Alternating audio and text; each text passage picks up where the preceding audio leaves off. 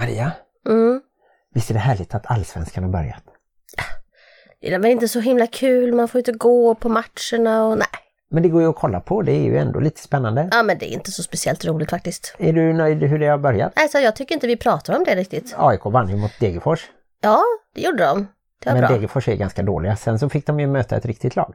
Vad menar du? Blåvitt. Nej, jag tycker inte vi pratar om det, sa jag ju.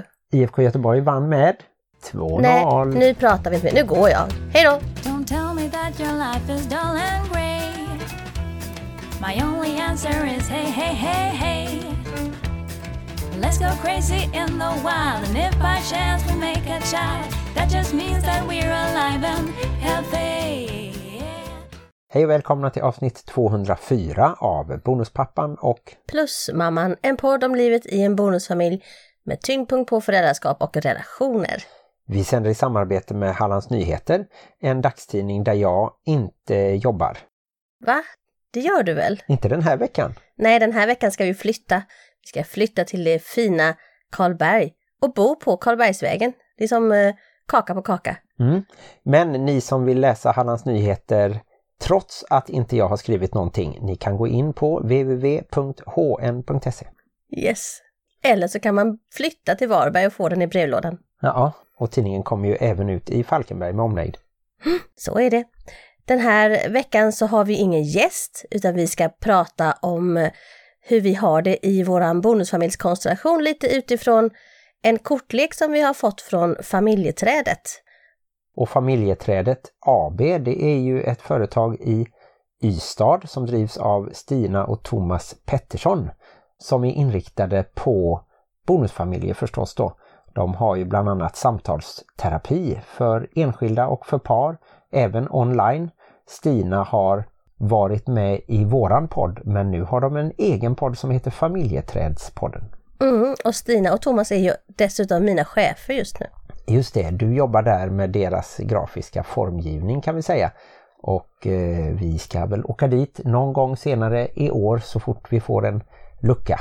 Ja, men vi har i alla fall den här kortleken och jag kommer komma tillbaka till den sen, vad den handlar om. För först har vi väl lite hänt i veckan, Martin. Eh, ja, just det senaste som har hänt är ju att våran minsting har blivit krasslig. Och vi vet ju inte om det är vanlig förkylning eller om det skulle kunna vara covid-19. Så vi ska ta ett sånt här prov och så får vi ju svar om några dagar. Mm. Då har ju alla barnen haft corona i så fall. Frågan är när vi ska bli sjuka. Vi får ju inte bli sjuka den här veckan, för den här veckan är ju som vi sa den stora flyttveckan. Då vi ska förflytta hela vårt bohag till ny adress. Och det är ju inte lätt alltså. Man tänker att man inte har så mycket saker, men det har man. Ja, och jag har ju tyvärr eh, inte rensat ut det som jag inte hann rensa ut för fem år sedan när vi flyttade ihop. Då jag sa stopp, de här kartongerna kommer inte in här och du sa jo, jag kommer att plocka upp dem om några dagar. Men de kom ju framförallt in i förrådet och lite på vinden. Och därför har vi inte kunnat ha några saker i förrådet och haft saker liggandes precis överallt istället. Ja, det ska absolut bli ändring på det. Och eh, därför har jag börjat med en ordentlig rensning eh, nu idag faktiskt. Mm. Och så har vi ju haft eh, den stora fördelen då som man kan se i en ombildad familj. Att de, alla de tre stora barnen bor hos sin pappa den här veckan så att vi ska ha lite lättare att flytta. Så att eh, det kan man säga är the upside of the bonus family. Ja, just det. Sen så får de gärna komma tillbaka och hjälpa till och bära alla hundratals bananlådor som vi har varit och hämtat. Det är faktiskt eh, väldigt bra, stabil låda även om de är lite mindre då än vanliga flyttkartonger. Vi kan låta barnen bygga ett fort av dem sen ute i trädgården. Ja men det skulle kunna funka, absolut. Om de är lite kreativa så varför inte? Ja, eller så kan man bygga så här högt, högt torn och se vem kan bygga det högsta banankartongtornet. eller så kan man sparka boll på dem Ja just det. som ramlar omkull. Det finns mycket man kan göra med banankartonger. Och vad mer har hänt? Vi har ju jobbat på som vanligt på dagarna och så har vi kört lite Clubhouse som vi absolut gillar. Du har ju startat lite olika frågesportsgrejer till exempel. Mm. Om man ska se vad vi gjorde i veckan så har ju jag blivit intervjuad av Aftonbladet. Just det, och det gällde ju Clubhouse. Ja, det handlar ju lite om de här adoptionsgrupperna som jag har startat på Clubhouse. Så det kom en fotograf hit till oss och hon skulle både fota och filma mig ur olika vinklar och Att filmas tycker jag alltid är en obehaglig upplevelse. Så här, gå naturligt. Det går inte att gå naturligt när man blir filmad. Nej, kanske inte. Det är svårt. Men jag tror säkert att det blir bra. Jag har inte sett det. Nej, inte jag heller. Det har inte kommit än. Nähä. Ja, just det. det GT Expressen har varit ute en artikel. Mm, under rubriken glada nyheter. Det gillar jag. Mm. Att jag är en glad nyhet. Det är du absolut. Och så Varbergsposten, våran lokala annonsfinansierade papperstidning. Ja, där var jag ju med i veckan också. Herregud vad jag har varit medial den här veckan. Ja, och allt började med en intervju i P4 Halland. Ja, allt började med att jag kom till Sverige som en liten, liten bebis med den stora vita fågeln. SAS. Mhm. Så var det. Det var ett icke-finansierat reklaminslag för SAS. ja, just det. Men det var väl veckan som har gått. Lite om mig och lite om dig. Vad har hänt med dig den här veckan? Jag tror inte det har hänt eh, sådär jättemycket. Jag tycker veckorna går väldigt snabbt och huvudet har liksom varit inriktat på det här med att flytta. Jag har ju faktiskt packat ihop en del grejer, lite kläder och lite blandat så. Vi har tömt mammas och pappas lägenhet i alla fall. Den är helt tom nu. Det är ju väldigt skönt att det är klart. Så den här sista veckan så är det bara all in på vår flytt. Och nu går vi vidare till dagens ämne. Just det, frågor från familjeträdets kortlek.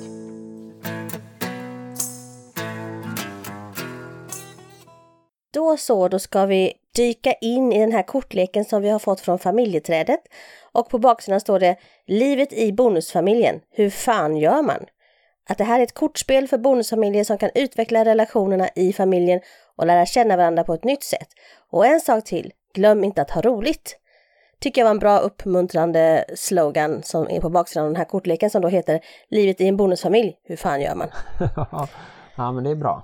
Och om ni vill ha en sån här kortlek så är det bara att skriva till thomas familjeträdet.com och Thomas är med TH och familjeträdet är ju utan prickar över ä Och så kostar den 149 kronor och så lägger man till 45 kronor i porto och så får man den rakt hem i brevlådan.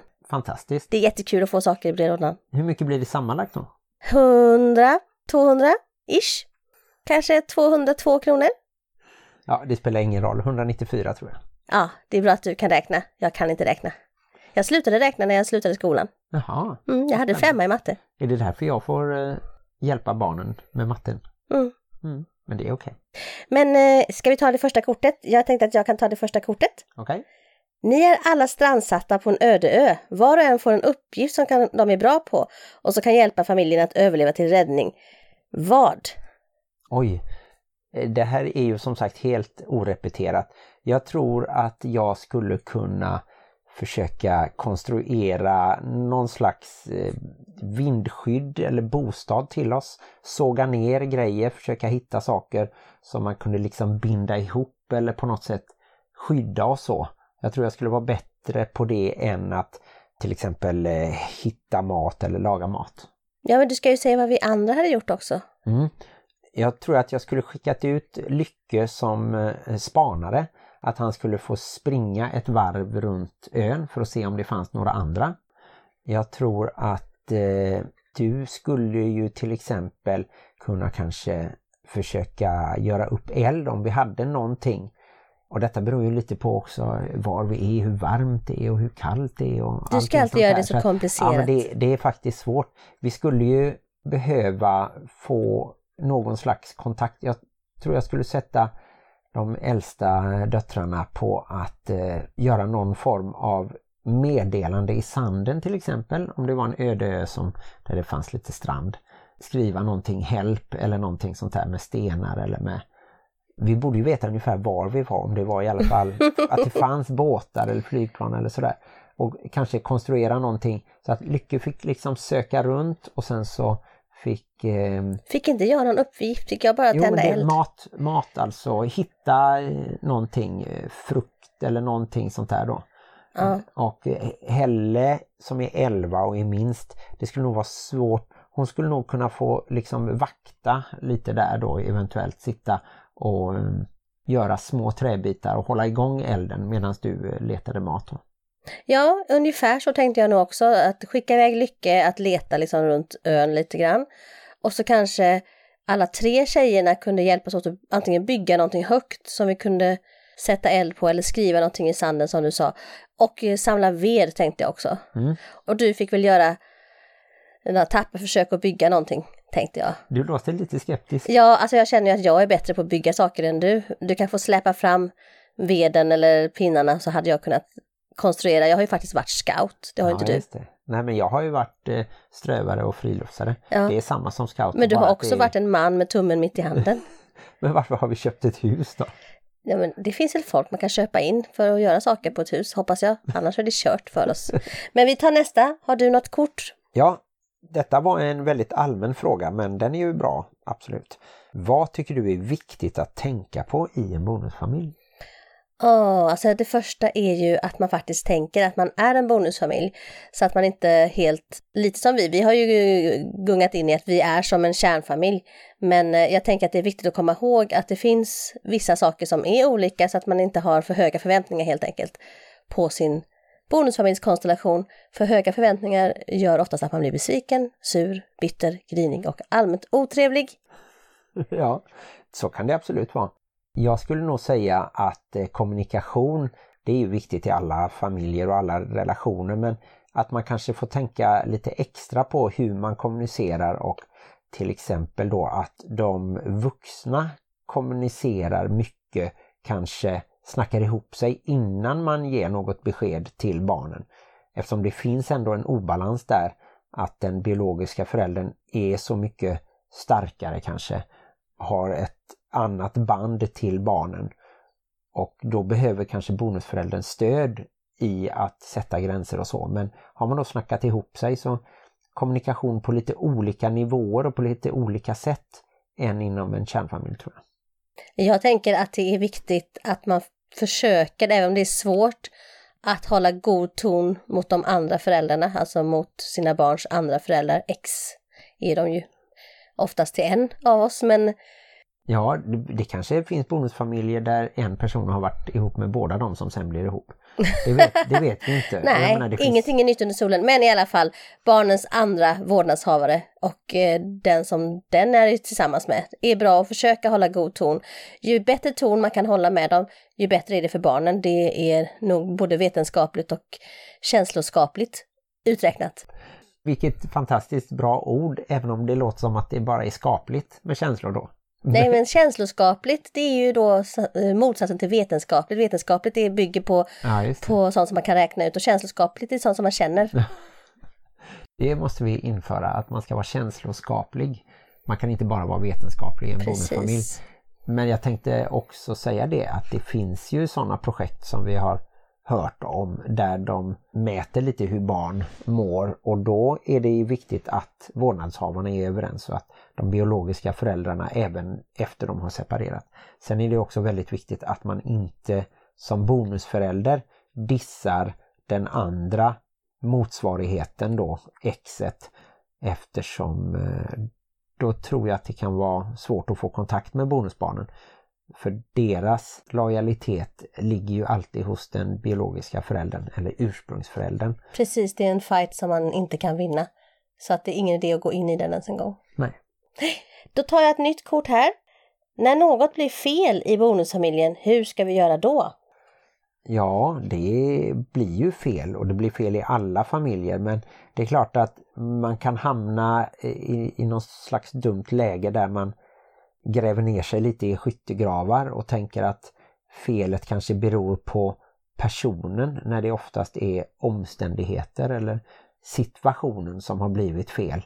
Och så kanske man skyller att ja men den där bonusmamman, bonuspappan eller bonusbarnet är så. Så det är fel just på en person. Och jag menar vi är ju komplexa, vi tar ju fel beslut även om det inte är fel på oss som personer. Nu märker att jag säger det här lite invecklat och krångligt men jag tror att ni förstår vad jag menar. Det är ingen som förstår vad du menar Martin. Nej, men då kan man backa tillbaka eller så kan jag säga det en gång till så här att när det väl blir fel då får man sätta sig och prata och vara ganska tydlig och vara snabb med att faktiskt då be om ursäkt kanske även om man inte har gjort fel utan att man är den som känner att någon annan har gjort fel. Då får man fråga liksom att jag har nog uppfattat situationen fel eller hur menade du eller hur tänkte du och varför hände det det här och så får man tänka att det tar oftast då mellan fem eller sju år att bli en bonusfamilj, att få ihop en familjekultur. Mm. Jag tänkte jag skulle slänga in en floskel här och det är att kämpa mer för att förstå än för att bli förstådd. Jag tror att många fastnar i att liksom, i varje argumentation stå och säga så här tycker jag, så här känner jag, det här upplever jag. Och istället vara nyfiken på den andra. Hur, vad hände nu? Varför gjorde du så här eller vad tänkte du då och hur kände du då? Och försöka förstå var den andra människan kommer ifrån. Jag tror att det är en eh, kortare väg till samförstånd. Ja, och också det som Jesper Karon sa på Clubhouse, men han har ju även varit med i podden och han är humörstränare bland annat. Att man ska ge mer än man ska få och man ska tänka så att man går in i en relation och i en familj med ambitionen att man ska ge mer Mm. och inte tänka att man ska få något tillbaka. Så är det, så är det. Men då tar vi ett kort nytt. Mm. Och då står det så här, om du skulle kunna bjuda hela bonusfamiljen på en semesterresa, vad skulle du då välja? Jag får nog välja Thailand faktiskt. Jag har ju varit i Thailand, jag är adopterad därifrån. Och det är inte så att jag känner det som en extra stor dragning till Thailand, men jag vet att mina barn har varit lite nyfikna på att åka till Thailand. Så att jag tror att det hade blivit det. Mm. Jag håller med om det. Vi har ju varit på några mindre resor. Eh, vi har varit i Danmark, vi var på bröllopsresa till Egypten med två av barnen och eh, det fanns planer på att eh, åka till London, att du och äldsta dottern skulle dit och det kanske blir senare och så.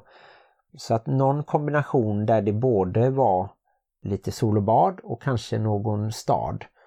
Och varför inte Thailand? Det skulle jag jättegärna vilja. Sen vet jag ju att både du och jag drömmer om att få åka till New York tillsammans.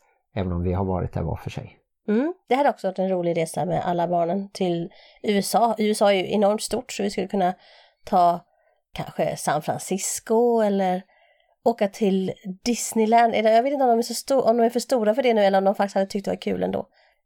Någonstans i USA. Jag hade tyckt det var kul att åka vart som helst med hela familjen. Jag gillar att vara hela familjen och jag gillar att resa så det är en bra kombo. Men här kommer nästa kort. Vilket tips vill du ge oss andra för att det ska fortsätta funka bra eller bli bättre i bonusfamiljen? Ja, men det handlar ju om, om de här grundläggande värdena på något sätt med eh, respekt eh, och eh, tålamod. Att eh, det är inte samma sak för barnen när du kommer in som bonusförälder. De måste få vara lite för sig själva kanske och, och känna att du menar allvar och att du kommer att stanna kvar och sådana enkla saker som att man faktiskt vill ställa upp och ta halva ansvaret tycker jag funkar. Jag fick tidigt eh, hjälpa till hemma och liksom göra tjänster så som, som jag kanske gillar att, att visa kärlek på då. Att eh, skjutsa och intressera mig för skolarbete och betala hälften och, och försöka reda ut när det har hänt någonting då i skolan eller med kompisar eller sådär, sitta och prata med barnen. Och även göra lite olika hobbys ihop och så. Så ja, jag tror att man måste ge det tid och att man som förälder måste backa undan lite och ha tålamod och inte försöka förändra någonting egentligen utan lära känna den familjekulturen som finns sedan tidigare. Mm. Nej men det tror jag du har helt rätt i Martin och eh, jag vill bara slänga in att ha tålamod för det tar tid innan en bonusfamilj sätter sig, det har vi sagt flera gånger och det är ju också det som Stina Pettersson från familjeträdet faktiskt myntade i tidigt skede av podden att det tar 5 till 7 år, låt man säga 57 år, men inte 5 till 7 utan 5 till 7 år innan man kanske har liksom landat i sina roller. Och nu när vi är inne på vårt sjätte år så tycker jag att hon har haft helt rätt i det. Att eh, nu är vi som en vanlig familj. Vi kan vara ovänner och det, alla står stadigt liksom. Vi kan vara sura och griniga och glada tillsammans. Och det känns som att vi har hittat det är lite sorgligt nu att barnen börjar bli så stora så nu kommer de snart att flytta ut. Så att, men eh, vi får ha några fina år nu tillsammans innan vi kommer att splittras igen helt enkelt. Mm. Och sen eh, hoppas vi att de kommer hem och hälsa på förstås. Får vi se om deras rum står kvar. Eller om du har gjort ett så här trumrum av det eller någonting. Nej men andra tips det är väl att ta det lugnt tänker jag och, och som backa, chilla, liksom, ha inte för höga förväntningar på exakt hur det ska vara. och ta det för vad det är och möt barnen när de står och herregud, prata med din partner. Det, det finns ju många tips vi kan ge. Lyssna på våran podd är väl ett jättebra tips. Ja men det gör de ju redan. Ja, De som hör detta, det det är, ju de sant, som det lyssnar. är sant, det är bra. Ni, gör, ni är ute på rätt väg ni som lyssnar på detta. Det är helt korrekt. Och sen kanske att faktiskt ta ett eh, allvarligt eh, snack om vad ni förväntar er när ni då flyttar ihop och bildar en bonusfamilj. Eller om ni testar att leva särbo men träffas mycket både med och utan barn och så. Hur vill ni ha det som bonusförälder? Vill ni ta del av ansvaret eller vill ni hellre att det är vårdnadshavaren som liksom sköter all gränssättning? För det funkar ju för de som har det lite mer uppdelat. Vi säger om man har två eller tre barn var och de kan vara olika åldrar och sådär. Man kan ju hålla det lite separerat och att det funkar ändå. Mm. Och jag tänkte på det här med att, eh, att ha förståelse. Jag tänker, du har ju inga barn. Jag har aldrig varit bonusförälder utan barn. Jag hade ju barn med mig in i min första bonusfamilj. Nu menar du biologiska barn ja. Ja, nej men precis. Du har inga biologiska barn. Förlåt. Det är klart att du har barn som råkar vara från min livmoder sprungna. Tillbaka till vad jag försökte säga, att det finns ju de som går in i en bonusfamilj, de har inga biologiska barn.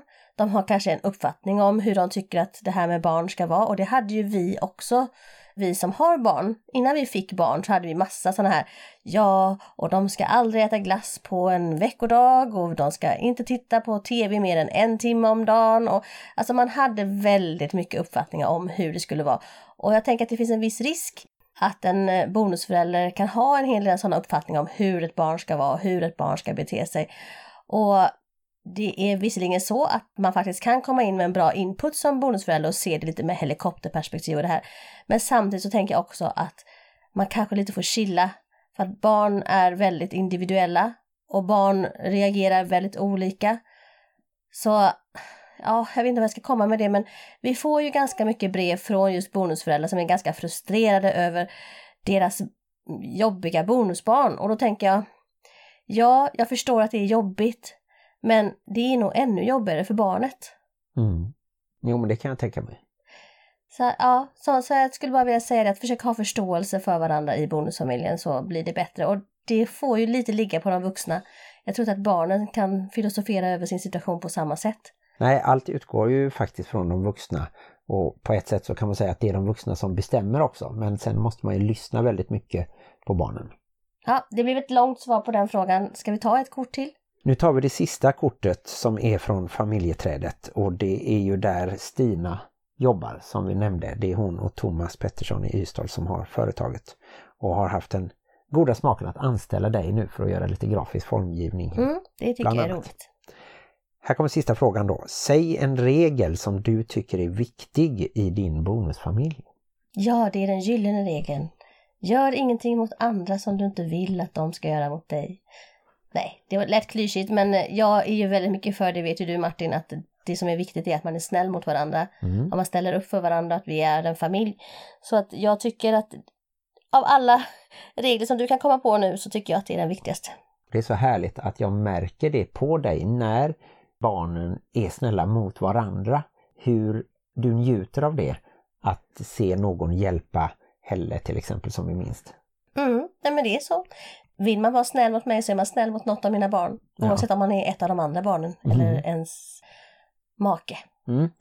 Och jag har ju en regel som, som jag tycker är väldigt viktig och det är ärlighet.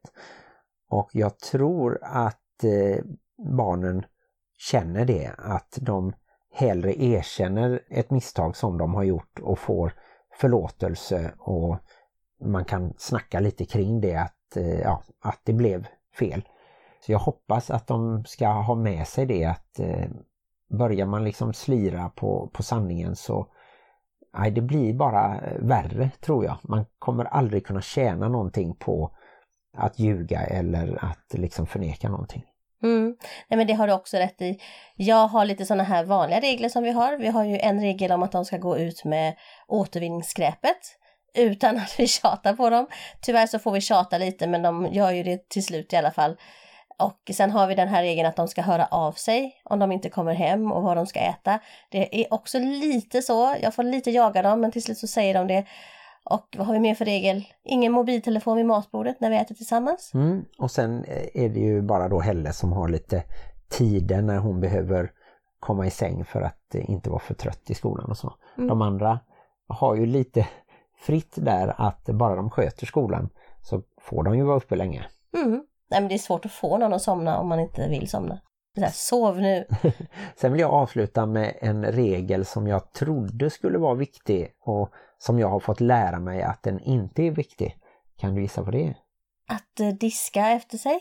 Nej, det är inte en sån regel utan men det är det här med rättvisa som jag ju har haft svårt lite att jag har tänkt att det är viktigt för barnen att de ska få likadana saker eller att de ska få lika mycket av någonting och så. Men det är för att du har växt upp i en vit medelklassfamilj i eh, Kungsbacka på 60-talet. ja, fyra månader upplevde jag av 60-talet men första åtta åren bodde vi i Göteborg.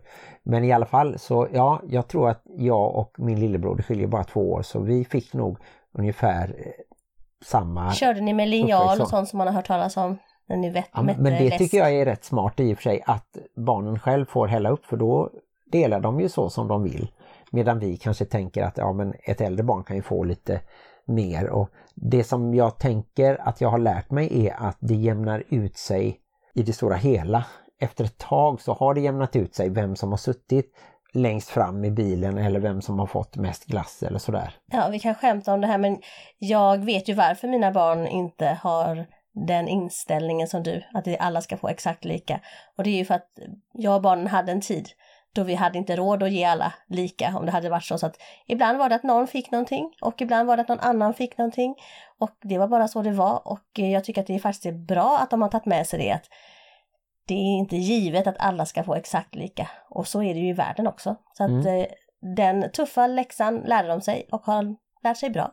Och det tycker jag är bra att jag också har fått uppleva det lite och sen tror jag att vi har en likhet redan det där att prylar är inte så viktigt. Alltså om man köper något och vill ha någonting så är det för att man ska använda det och att det ska vara en glädje med det. Men inte bara för att ha någonting som är en, ett visst märke eller att det är dyrt och, och fint och att man ska skryta med det eller sådär. Nej, nej men så är det.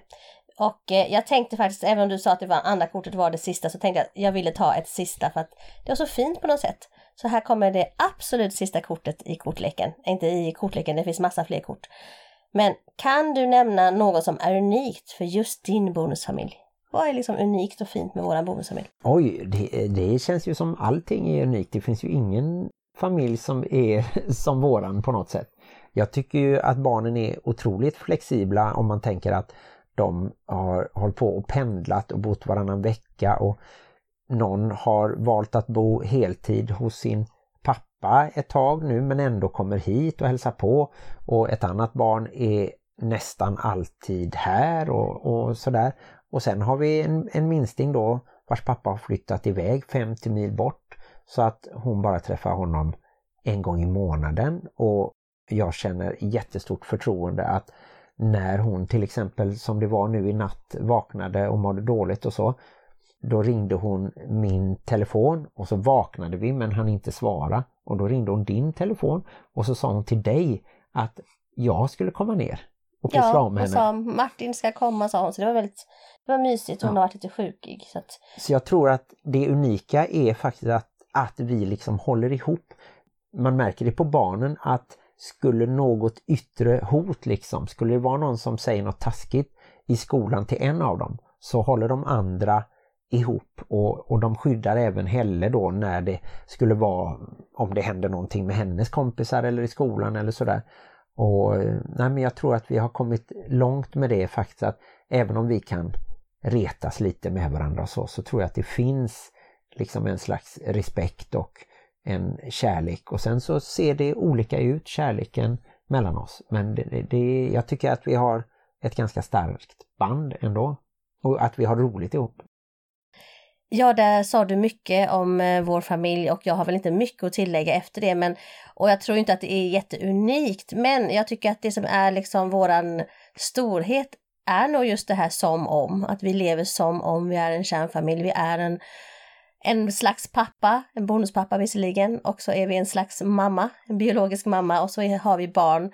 Och eh, vi lever väldigt mycket som att det är våra barn och eh, jag tror att barnen känner sig trygga i den konstellationen och jag tror också att vi har visat att vi är schyssta ut i fingerspetsarna till deras andra biologiska föräldrar och släktingar runt om.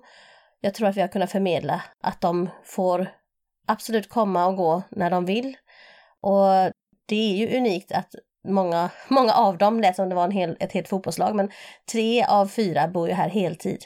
Det är också lite speciellt för en bonusfamilj, för att en bonusfamilj brukar ju kanske annars vara mer flytande varannan vecka. Att man har massa barn ena veckan och så kanske inga barn den andra veckan. Just nu har vi barn hela tiden.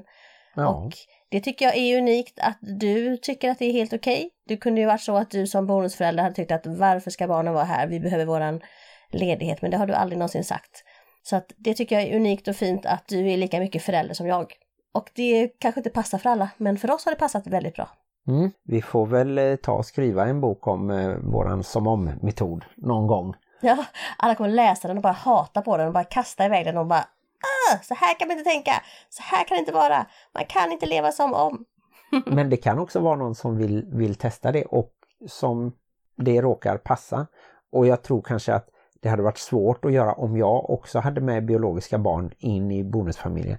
Det hade nog inte varit lika lätt då faktiskt. Du får testa, du får gå ut, träffa en ny, skapa ett barn och skilja dig och sen så komma tillbaka så att vi liksom kan få uppleva den variabeln också.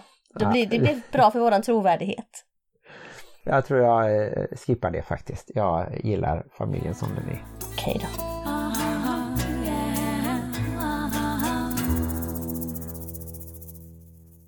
Ja, då ska vi väl börja avrunda och tacka för oss. Men vi vill ju till exempel att ni testar Clubhouse och eh, då behöver man ju en så kallad invite och det kan man få av oss. Hör av er på våra sociala medier så ordnar vi det. Det enda ni behöver är ju en iPhone eftersom appen Clubhouse inte finns för Android ännu. Mm. Och när ni väl är inne på Clubhouse så kan ni ju gå in och följa oss. Så ser ni när vi öppnar våra rum och de rummen som kanske är mest aktuella för er som lyssnar på den här podden är ju Bonusfamiljsnack som vi har på söndagmorgnar klockan nio och på onsdagkvällar klockan sju och då med en gäst. Och de finns då i klubben Bonusfamiljer och den kommer ni nog att hoppa rakt in i om ni skriver till oss på Instagram eller på Facebook och där hittar ni oss och podden om ni bara söker på Bonuspappan och Plusmamman. Och så har vi ju även Bonusfamiljernas diskussionsgrupp. Och det är ju mer en eh, skriven form av kommunikation, att man skriver till oss och man kan skriva direkt själv i gruppen eller så kan man skriva till oss och så lägger vi ut det anonymt.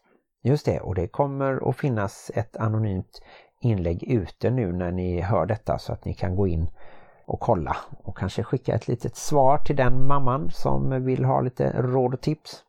Mm, det är det bra, man kan få råd och tips men man kan också skita i dem utan det är bara en diskussion för att kunna se på saker ur olika synvinklar. Det är jättenyttigt och bra. Ja, och som sagt så är vi ju mitt i våran stora flytt här från ett litet radhus till en villa och eh, nästa vecka kanske det blir svårt att göra ett vanligt poddavsnitt. Så då har vi en plan som är att leta upp ett av de avsnitt som nu inte syns på Spotify och iTunes och Acast och många andra plattformar men som fortfarande finns kvar att lyssna på via Castbox, C-A-S-T Box. Det är både en app och en sajt. Där finns alla över 200 avsnitt. Men på de andra ställena finns bara 150 avsnitt. Så nästa vecka kanske det blir delvis en repris plus att vi kommer väl att berätta lite om hur det gick när vi flyttade och hur kalaset blev. För nästa vecka är det ett trippelt födelsedagskalas. Ja, det är ju våra oxar som vi brukar säga. De är födda med en veckas mellanrum. Först fyller Kevin som är min plusson, alltså bonusson sedan tidigare, han fyllde 15 och sen en vecka senare så fyller min yngsta dotter år, alltså hans lilla syster. Hon fyller 11 och sen fyller hennes storebror, alltså hennes andra storebror, fyller 18 en vecka senare. Mm. Och det är ju galet. Då är vi ju helt plötsligt fyra vuxna och två barn i våran bonusfamilj. Ja, Och det ska bli härligt att få ha ett litet, i alla fall födelsedagskalas med lite nära släkt och kanske inte så många vänner utan vi får fortsätta att sitta lite utspridda i trädgården och på altanen och så. Så är det ju för er också i coronatider. Mm, men det är kul att vi fortfarande kan få fira barnen efter alla dessa år som det har varit eh, här och där och dit och dit så har vi bara missat ett enda år, den här trippelfirande saken som vi har. Så jag hoppas att det ska gå bra det här året också. Vi har haft skattjakt över hela stan och jag brukar slå på stort men den här gången så får det nog bli pizza och tårta. Ja, jag längtar redan efter din choklad och bananspecialitet. Mm. Men eh, det var väl allt för den här gången. Vi brukar ju köra high high. Ska vi ta en liten high innan vi avslutar? Ja, för mig känns ju hela flyttgrejen som en high och eh, jag tycker att barnen hittills har varit duktiga med att packa ihop och rensa så det är en, en high som kommer att bli ännu bättre nästa vecka. Min high är att jag har hittat ett bra ställe att gömma min Nutella-burk på. ja, jag vet vad den är men jag är så allergisk så jag vågar inte gå nära den. Nej men barnen vet inte vad den är. Smart. Ja, glöm inte att livet i bonusfamiljen kan vara besvärligt. Men också härligt. Hej då! Jag är så trött så jag somnar. Och när du pratar så där länge så somnar jag också. Så jag har nog somnat några gånger under inspelningen men det är väl okej. Okay. Vet du att en av de mest populära poddarna just nu det är en kille som sitter och läser så enformigt och tråkigt så att det är meningen att folk ska somna när de hör hans röst. Men då den kanske du ska gästa den podden? Jag kanske också kan prata så här och så pratar man om något som inte är något speciellt sådär utan det är bara en röst som håller jag på Jag förstår att det här är ditt kall Martin. Jag kanske också ska starta Dessutom så kan du ju prata utan att andas. Podd. Jag kan även prata på inandning och så fortsätta att prata när jag andas ut så här. Visst är det härligt. Nu mår jag lite dåligt faktiskt.